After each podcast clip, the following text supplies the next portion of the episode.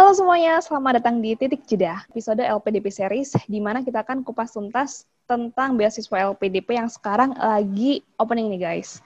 So, hari ini kita juga ada uh, narasumber yang keren banget, salah satu award di LPDP di Institut Teknologi Bandung. Langsung aja kita dengerin ceritanya dari narasumber kita satu ini. Oke, okay, uh, eh, selamat datang di Titik Jeda, Mas. Uh, ini pertama kalinya Mas Billy join di Titik Jeda. Mungkin bisa perkenalan diri dulu. Uh, Mas Billy S1 di mana dan sekarang dapat beasiswa apa dan kuliah di mana? Halo semuanya, perkenalkan nama saya Billy Purwocaroko Nuring Tias, biasa dipanggil Billy. Saya dulu S1-nya dari Ekonomi Islam Universitas Erlangga dan saat ini sedang menempuh studi magister di MBA uh, eh, SBM ITB, Institut Teknologi Bandung. Jadi Billy ini kan seangkatan sama aku kan, kita angkatan 2012, lulusnya di 2016. Yui, ya betul. Oke. Okay. Mm -hmm. Nah, terus Billy ini uh, lanjut sekolah di 2020, padahal kan emang sebelumnya sudah ada planning uh, bakalan lanjut studi gitu kan. Nah, selama 2016 ke 2020 ini, apa yang kamu lakukan? Apply beasiswa kah? Atau upgrading diri kah?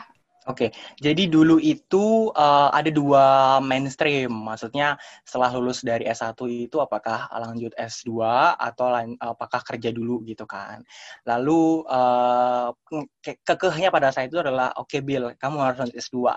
Gimana caranya kamu lanjut S2 nggak usah kerja dulu gitu kan. Tapi uh, setelah di jalan beberapa bulan itu ada satu teman yang bilang gini, kamu bisa kok Bill kerja dulu gitu kan sambil kamu persiapan diri sebelum S2. Oke deh aku kerja dulu. Jadi setelah lulus di bulan Maret 2016 itu uh, saya kebetulan um, uh, apply di satu NGO lokal di base-nya di Jogja uh, isunya mengenai isu disabilitas dan konsepnya memang kewirausahaan sosial memang itu kok anu saya dan selama tiga tahun sampai 2019 itu ber, berkecimpung di situ kerja uh, di satu NGO itu lalu di akhir 2019 itu uh, resign lalu masuk ke S2 gitu sih di tahun ini. Uh, berarti kan selama proses mempersiapkan beasiswa ini, Mas Billy kerja dan cari pengalaman dulu kan istilahnya. Mm. Di sampai akhirnya Mas Billy ini dapat beasiswa. Sebelumnya Mas Billy udah coba berapa banyak beasiswa dan itu tuh beasiswa apa aja yang bener-bener Mas Billy itu sampai kayak inget banget nih gagalnya. Aku sampai uh, mungkin kalau misalkan cowok uh, nangis itu kan suatu hal yang jarang gitu kan yang bikin Mas Bilu sampai kayak aduh gitu. Ada nggak Mas? Oke, okay. sebenarnya wait, aku saking banyaknya sampai lupa. Bentar ya. Hmm. Oh, berarti ini banyak banget ya Mas ya? benar benar. Ini uh, pemilihan beasiswanya itu karena kayak yaudahlah pokoknya aku beasiswa aja atau kayak uh, kan ada tipe orang tuh yang kayak udah tahu dari S1 itu udah mau aku mau beasiswa ini, beasiswa ini, beasiswa ini atau kayak yang tiba-tiba dadakan aja. Pokoknya aku harus S2 dengan beasiswa. Tipe yang kayak gitu Mas Billy. Uh, kalau saya sih lebih cenderung ke tipe yang uh, pemilih ya, picky karena memang uh, tidak semua negara atau tidak semua universitas itu bisa menyediakan apa yang saya cari di uh, studi magister saya gitu kan. Jadi saya harus bisa memilih uh, negara mana atau kampus mana yang over uh, apa namanya jurusan tersebut sehingga saya harus mempersiapkan oh di negara tersebut atau di universitas tersebut itu biasanya ada beasiswa macam kayak gimana sih gitu kan. Sehingga uh, saya pilihnya itu. Nah, ini saya baru ingat ada empat tipe beasiswa yang sudah saya coba gitu kan. Pertama LPD PDP tentu, yang kedua itu SISS, Swedish Institute Study Scholarship, terus yang ketiga itu Chevening, yang keempat itu Fulbright. Uh, empat institusi ini pernah saya coba, uh, tapi in total saya udah coba tujuh kali. Jadi uh, mix antara LPDP, SISS, Chevening, dan Fulbright itu tujuh kali dan baru ke delapan kali uh, saya lolos di LPDP. Saya tahunya Mas Billy itu ditolaknya sama beasiswa LPDP itu keempat kali ternyata itu ada beasiswa Chevening, Fulbright, sama SISS pun yep. juga pernah ditolak gitu. Bisa nggak sih Mas Billy ceritain ke kita gitu? Uh, Kan pasti rasanya ditolak beasiswa itu tuh sakit banget gitu loh Mas, yang kayak bisa mungkin drop banget, bahkan sampai bisa dibilang di titik terendah Mas Billy sendiri gitu. Bagaimana sih caranya Mas Billy akhirnya bisa bangkit gitu? Boleh, boleh banget. Jadi yang paling ngenes itu sebenarnya dari empat pemberi apa pemberi beasiswa itu adalah di LPDP sebenarnya.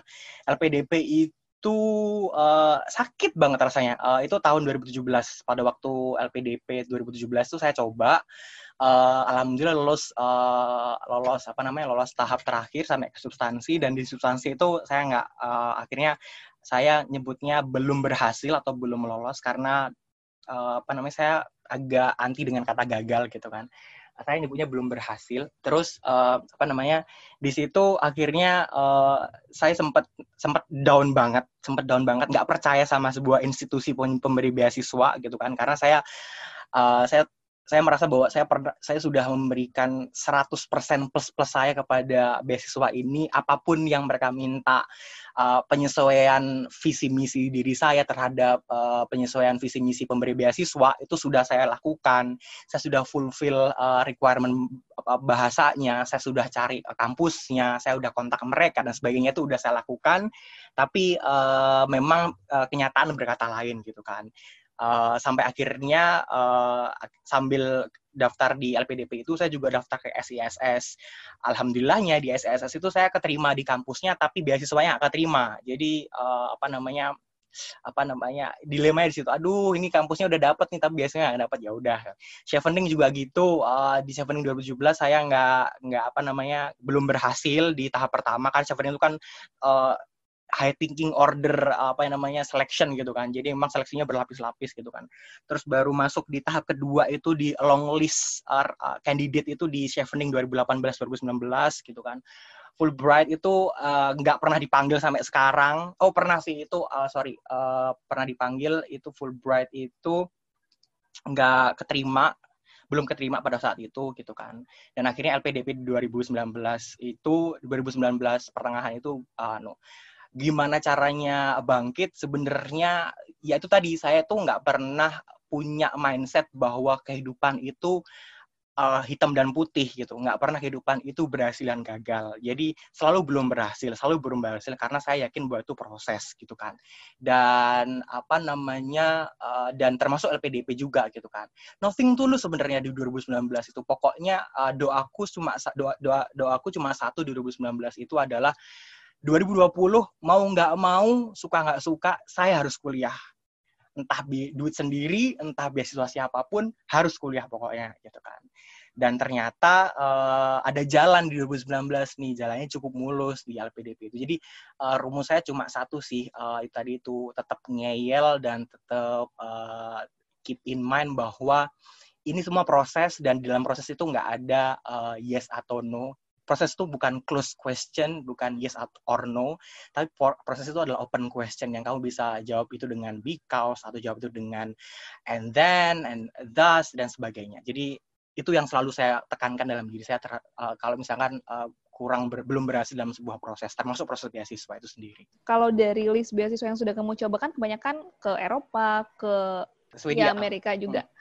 Nah, hmm. untuk LPDP itu kan awal-awal kamu juga sempat daftar ke luar negeri. Nah, ini yep. uh, gimana ceritanya? Akhirnya memutuskan untuk mengambil studi di dalam negeri saja dan kayak udah berhenti mengejar study abroad. Oke, menarik banget sih sebenarnya dengan ini itu kan, karena uh, ada dua hal yang ingin saya jelasin. Yang pertama itu per, per, per persoalan teknikal, yang kedua persoalan per, uh, philosophical. Yang pertama dulu yang persoalan teknikal. Kenapa saya berhenti uh, ngejar, uh, belum berhenti sih, saat untuk saat ini saya berhenti mengejar uh, beasiswa magister saya di luar negeri, uh, karena kampus tujuan saya itu di courting sama LPDP di jalur reguler. Jadi saya nggak bisa ambil jurusan itu di kampus tersebut. Jadi hanya kampus-kampus yang sudah ditetapkan oleh LPDP dan jurusan-jurusan tertentu di kampus tersebut yang boleh masuk. Uh, dan saya milih jurusan itu di uh, kampus itu itu nggak ada. Jadi mau nggak mau suka nggak suka karena saya bukan uh, apa namanya bukan termasuk kelompok yang afirmasi. Jadi saya harus ikut jalur reguler. Saya nggak bisa milih kampus di luar negeri pilihannya cuma dua. Apakah kamu mau, apa ini saya, tanya pada diri saya, apakah kamu mau apply uh, uh, kampus 50 top perguruan tinggi dunia yang keketalannya tinggi banget atau kamu apply dalam negeri gitu kan. Pada saat itu karena saya cukup realistis, saya pilih dalam negeri. Itu teknikalnya. Kalau filosofikalnya uh, setelah uh, perenungan yang cukup panjang gitu kan dari tahun 2017 sampai 2020 gitu kan kenapa saya end up dengan ambil magister dalam negeri, kenapa uh, banyak banget teman-teman yang tanya, Bil kamu dapat LPDP, iya kenapa sih nggak ambil luar negeri, kenapa sih nggak gini gitu kan? Oh tidak semudah itu prosesnya Ferguson, saya selalu bilang gitu. gitu. iya iya benar-benar. Oh tidak semudah itu gitu kan, itu berlib uh, ribet sekali proses dalam diri itu uh, bertentangan sekali gitu kan. Ada faktor orang tua, ada faktor lingkungan, ada faktor uh, apa past experience, ada faktor apa namanya future future future apa namanya future preparation dan sebagainya dan uh, ini sempat ditanya juga sama interviewer ibu ibu yang ibu saya lupa jujur banget namanya siapa. Uh, thanks to God, ibu itu ada di hari itu gitu kan. Terima kasih bu. Uh, ibu itu tanya gini, kenapa Mas Billy nggak ambil di luar negeri saja gitu kan? Karena uh, concernnya Mas Billy bagus kalau misalkan mau ambil di luar negeri gitu kan. Jawaban saya uh, selalu sama either ibu itu tanya atau orang lain juga tanya ke saya, kenapa kamu ke luar negeri? Saya merasa bahwa saya belum mampu menanggung implikasi akibat dari privilege saya di luar negeri. Kuliah di luar negeri itu tantangannya luar biasa, challenging banget dan banyak banget menghabiskan duit gitu kan. Saya pernah dengar ada senior saya di owner juga ambil LPDP juga dan ke luar negeri ke Amerika Serikat saat itu pernah tanya uh, beliau beliau bilang Bobil kamu tahu nggak beasiswa yang uh, dikasihkan ke aku berapa? Satu sekian miliar. Wow untuk satu orang aja sekian miliar gitu kan. Itu untuk saya uh, huge amount gitu kan. Apa namanya? Sesuatu yang sangat besar. Even untuk uh, beasiswa yang saya dapat untuk magister negeri ini saja itu sudah terlalu besar buat saya. Dan saya merasa bahwa uh, saya belum bisa kapabilitas saya belum bisa mengembalikan seluruh apa yang saya dapatkan di dalam di luar negeri tadi dalam uh, untuk kemajuan bangsa ketika saya kembali lagi. Oke, okay, saya belajar, saya mengarti, saya belajar di sana, saya uh, apa namanya punya exper, experience uh, di sana, gitu kan, saya punya networking di sana, gitu kan.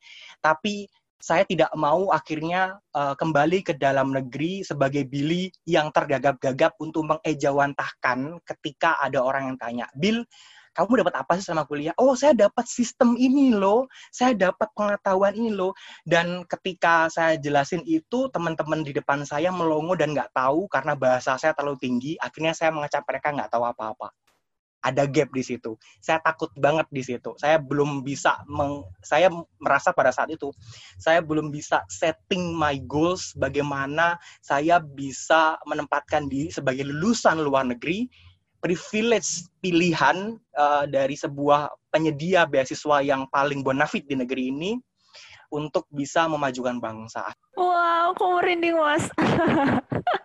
Billy menggebu-gebu banget, Bil. Semangat banget, Bil. sorry, sorry. Ini kayak menampar aku yang selama ini cari beasiswa itu selalu fokus ke luar negeri, Mas Bil. Oke. Okay. Pasti lingkungan, apalagi orang Indonesia dong, Mas. Uh, plus hmm. 62 itu kan uh, selalu menganggap bahwa luar negeri adalah segalanya gitu. Termasuk dalam hal prestis dan juga gengsi. Uh, perkara perkara perkara uh, skill dan lain sebagainya yang tadi udah mas uh, bicarakan itu emang benar. Cuman kan ada yang namanya prestis dan juga gengsi gitu loh. Uh, uh, ada nggak sih tuntutan kayak gitu dalam diri Mas Billy? Maksudnya kayak yang meledak-ledak dalam diri Mas Billy kayak pasti uh, ada satu sisi di dalam diri itu yang kayak aku mau membuat orang itu uh, apa uh, ini loh aku yang sekarang itu udah bisa keluar negeri nih. Maksudnya kan kayak ada ada prestis kayak gitu. Kalau dari Mas Billy sendiri gimana?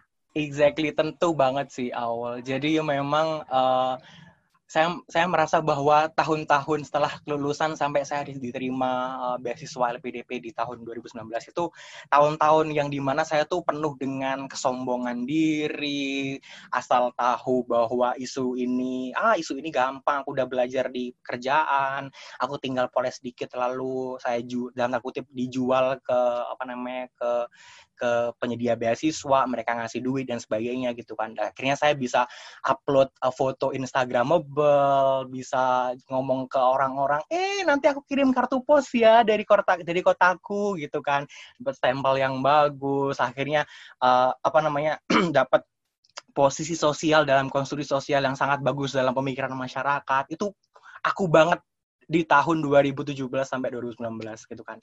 Tapi pun sampai sekarang itu akhirnya uh, pola pemikiran itu masih aku tanamkan sih dalam diriku bahwa uh, aku masih bertanya-tanya gitu kan. Saya masih bertanya-tanya bahwa kenapa sih Bill kamu belum bisa ke luar negeri? Kenapa sih kamu belum bisa mas kayak si A, si B, si C? Kenapa dia bisa ke US? Kenapa dia bisa ke UK? Kenapa dia bisa ke Jerman? Padahal isunya nggak se -se sepelik yang kamu tawarkan ke ke pemberi beasiswa. Kenapa mereka bisa gitu kan? Dan jawaban itu masih terbuka sampai sekarang gitu kan. Maksudnya saya masih terus belajar, saya masih terus uh, pengen tahu kenapa saya masih belum bisa keluar negeri. Tapi realitasnya, eh Bill, kamu sekarang tuh di mana? Kamu ingat ya? Kamu sekarang itu di uh, kuliah di magister di salah satu kampus terbaik di, di di negeri ini gitu kan. Dan salah satu sekolah bisnis dan manajemen yang terbaik juga di negeri ini. Jadi kamu nggak boleh minder. Kamu punya banyak networking, kamu punya banyak relasi yang mungkin justru lebih kamu butuhkan after graduation ketimbang kamu lulus dari universitas di negara mana gitu yang yang apa keahliannya itu masih belum bisa diterapkan di negara ini. Jadi dari ceritanya Billy ini kan untuk LPDP sendiri kan sudah tiga kali gagal ya, lalu yang percobaan hmm. keempat ini berhasil.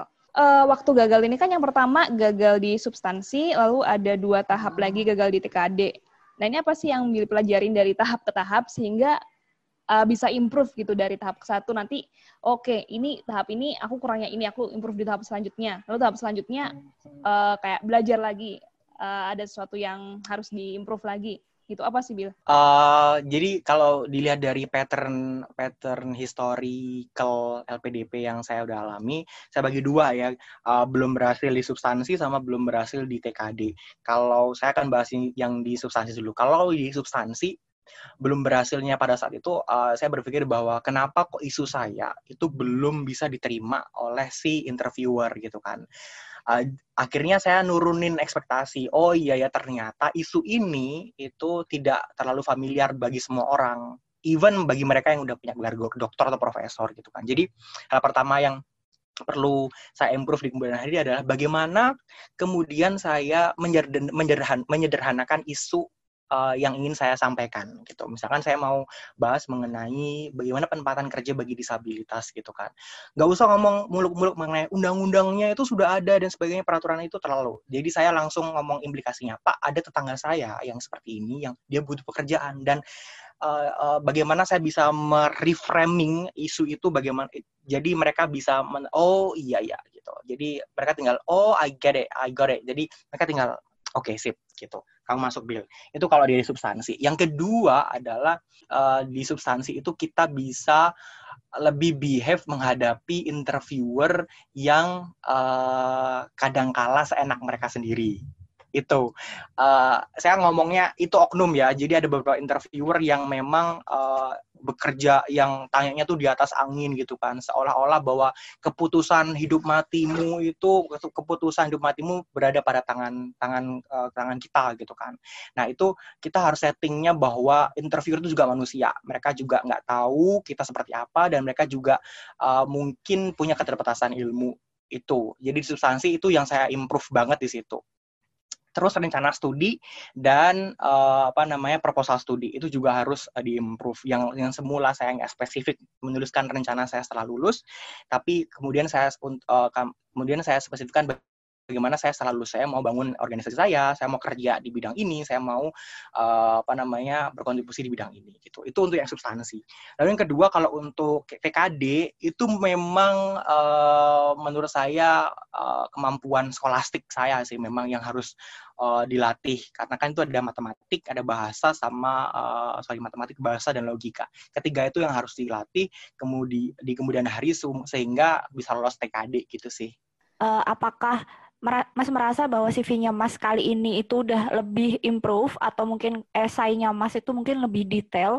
Uh, LPDP itu yang diminta itu orang-orang yang kayak gini gitu loh Mas. Jadi kayak lebih spesifik yang menurut Mas yang emang bisa ngegolin Mas LPDP tahun ini itu apa? Kalau dari pengalaman saya pribadi, present and being me. Jadi hadir secara utuh dan sadar secara penuh kalau kata saya, kalau kata teman-teman saya. Maksudnya gini, memang CV, uh, memang resume, uh, proposal studi dan rencana studi itu sudah saya desain dengan bagus. Saya beri uh, apa namanya manik-manik, saya beri apa namanya bagan, saya beri kata-kata uh, mutiara dan sebagainya itu sudah saya percantik dan sebagainya gitu kan. Tapi yang akhirnya ketika orang tanya dengan pertanyaan yang sama seperti uh, Afah dan Aulia tadi bilang gitu kan, itu uh, menurut saya itu adalah just being you, not pretend being others. Itu aja sih menurutku. Jadi di hari itu itu uh, bener-bener aku datang uh, di GKN Jalan Indrapura Surabaya itu uh, nothing tulus banget mau lulus atau nggak lulus uh, yang penting saya udah ngomong saya yang penting saya udah ngomong saya mau apa buat negeri ini. Selesai titik di situ. Terus di akhir itu uh, wawancara itu interviewer interviewer interviewerku itu tadi uh, ngomong uh, tanya satu hal. Mas Billy uh, pertanyaan dari kami sudah selesai uh, uh, kami udah cukup udah dapat informasi yang cukup banyak dari Mas Billy. Sekarang Mas Billy ada sesuatu hal yang mungkin ditanyakan atau mau disampaikan saya langsung menyampaikan ini. Bu Pak saya datang di hari ini uh, dengan izin kedua orang tua saya bahwa saya bukan untuk getting the scholarship. Saya enggak buat buat mendapatkan scholarship dari LPDP enggak. Tapi saya dapat interviewer, sorry, saya dapat interview yang berkualitas. Dan sore ini saya dapat itu dari Bapak dan Ibu semua. Saya dapat mengutarakan apa yang saya mau, apa yang Indonesia butuhkan ke depan, apa visi saya, apa yang perlu dinegosiasikan dengan Bapak Ibu semua, dan semua itu diakomodasi oleh Bapak Ibu semua. Dan itu semua dikolaborasi oleh Bapak Ibu semua. Saya sudah merasa cukup. Itu aja Pak Bu dan menurut saya uh, itu itu bener itu bukan rencana saya. Itu saya nggak pernah saya nggak pernah perencanaan bahwa itu strategi buat lolos sih sebenarnya. Tapi orang itu karena di LPDP itu ada satu orang in, uh, psikolog dia akan lihat bahwa kamu itu benar-benar serius nggak sih di di isu ini? Kamu benar-benar uh, punya feel nggak sih di isu ini? Atau kamu sekedar menuruti pe, per, apa namanya perintah atasan kalau kamu harus sekolah lagi? Atau kamu sekedar uh, ngikutin gengsimu sendiri tanpa kamu bisa jelasin? Tanda yang paling utama adalah bagaimana kita bisa setting the tone, articulation, emotion di hari yang di di di apa namanya di vokal yang sama untuk menjelaskan bahwa kita butuh scholarship ini, tapi dengan dengan cara kita ngomong kita nggak butuh scholarship ini. Ini memang butuh latihan yang cukup tinggi dan uh, saya akhirnya uh, thanks to beberapa kebelum berhasilan saya di beberapa beasiswa sebelum ini bahwa itu yang membentuk saya akhirnya bisa sampai di LPDP ini. Nah, barusan kita dengerin kisah inspiratif dari Billy, salah satu mahasiswa dari ITB yang mengapa dia memilih kuliah di dalam negeri dibandingkan di luar negeri. Untuk selanjutnya, kira-kira siapa ya yang akan datang jadi narasumber kita di Titik Jeda Podcast untuk LPDP series kali ini? Buat kalian yang lagi nyiapin LPDP tahun ini, jangan lewatkan setiap episode dari LPDP series yang sudah disiapkan oleh Titik Jeda. Karena tentunya kita ngasih tips and tricks nggak kaleng-kaleng. See you in the next episode. Bye!